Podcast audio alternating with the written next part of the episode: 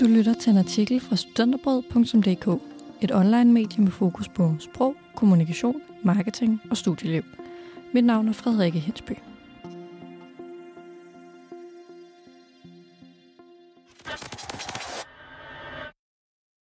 Tips til at lære et nyt sprog. Vil du gerne lære et nyt sprog? Måske pynter det på dit CV. Måske synes du bare, det er sejt at kunne flere sprog. Uanset hvad din situation er, kommer her seks tips til at lære et nyt sprog for en, som selv er ved at lære et nyt sprog. Hold ud. Det første råd er nok det vigtigste i forhold til at lære et nyt sprog.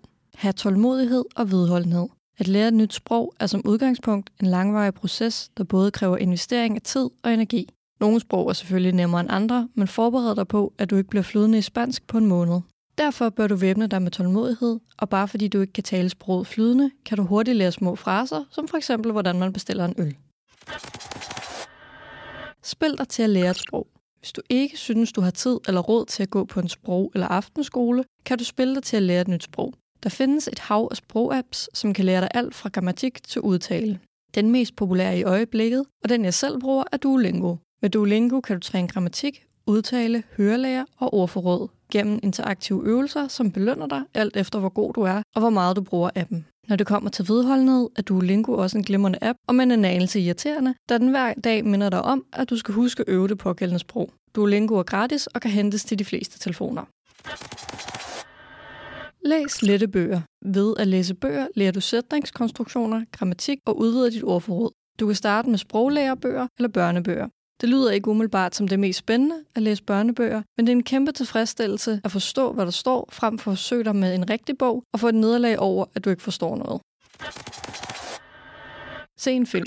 Du har muligvis ikke forstå særlig meget af, hvad du ser, hvis du er helt nybegynder. Men ved at lytte til sproget, træner du dit øre i at lytte til udtale og intonation. Sæt en film på og slå danske undertekster til til at starte med.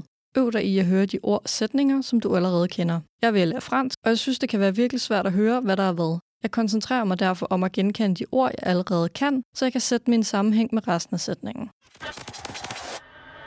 Lyt til musik. Hvis du alligevel lytter til musik, når du er på farten eller derhjemme, kan du lige så godt lytte til musik på det sprog, du er ved at lære. Ord flyder mere naturligt på vers, og du kan derfor bruge det til at få udtalen korrekt, hvis du synger med. Derudover gør det samme sig gældende som i ovenstående. Lyt efter de ord, du ikke kender, og slå dem op, du ikke kender. Du kan også prøve at slå den engelske oversættelse op på Genius for at sammenligne. Tal sproget. Det er altid en god idé at tale det sprog, du vil lære, og gerne så meget som muligt. Det kan dog være svært, hvis du ikke kender nogen, som taler pågældende sprog. Det er dog ikke umuligt. Skriv sætninger ned fra sprogapps, film, musik osv. og øv dig i at udtale dem. Du kan også øve dig i at tænke i simple sætninger og tjekke, om det er rigtigt via Google Oversæt, som efterhånden er temmelig korrekt. Du lyttede til en artikel fra studenterbrød.dk. Like, subscribe og del. Mit navn er Frederikke Hensby. Tak fordi du lyttede med.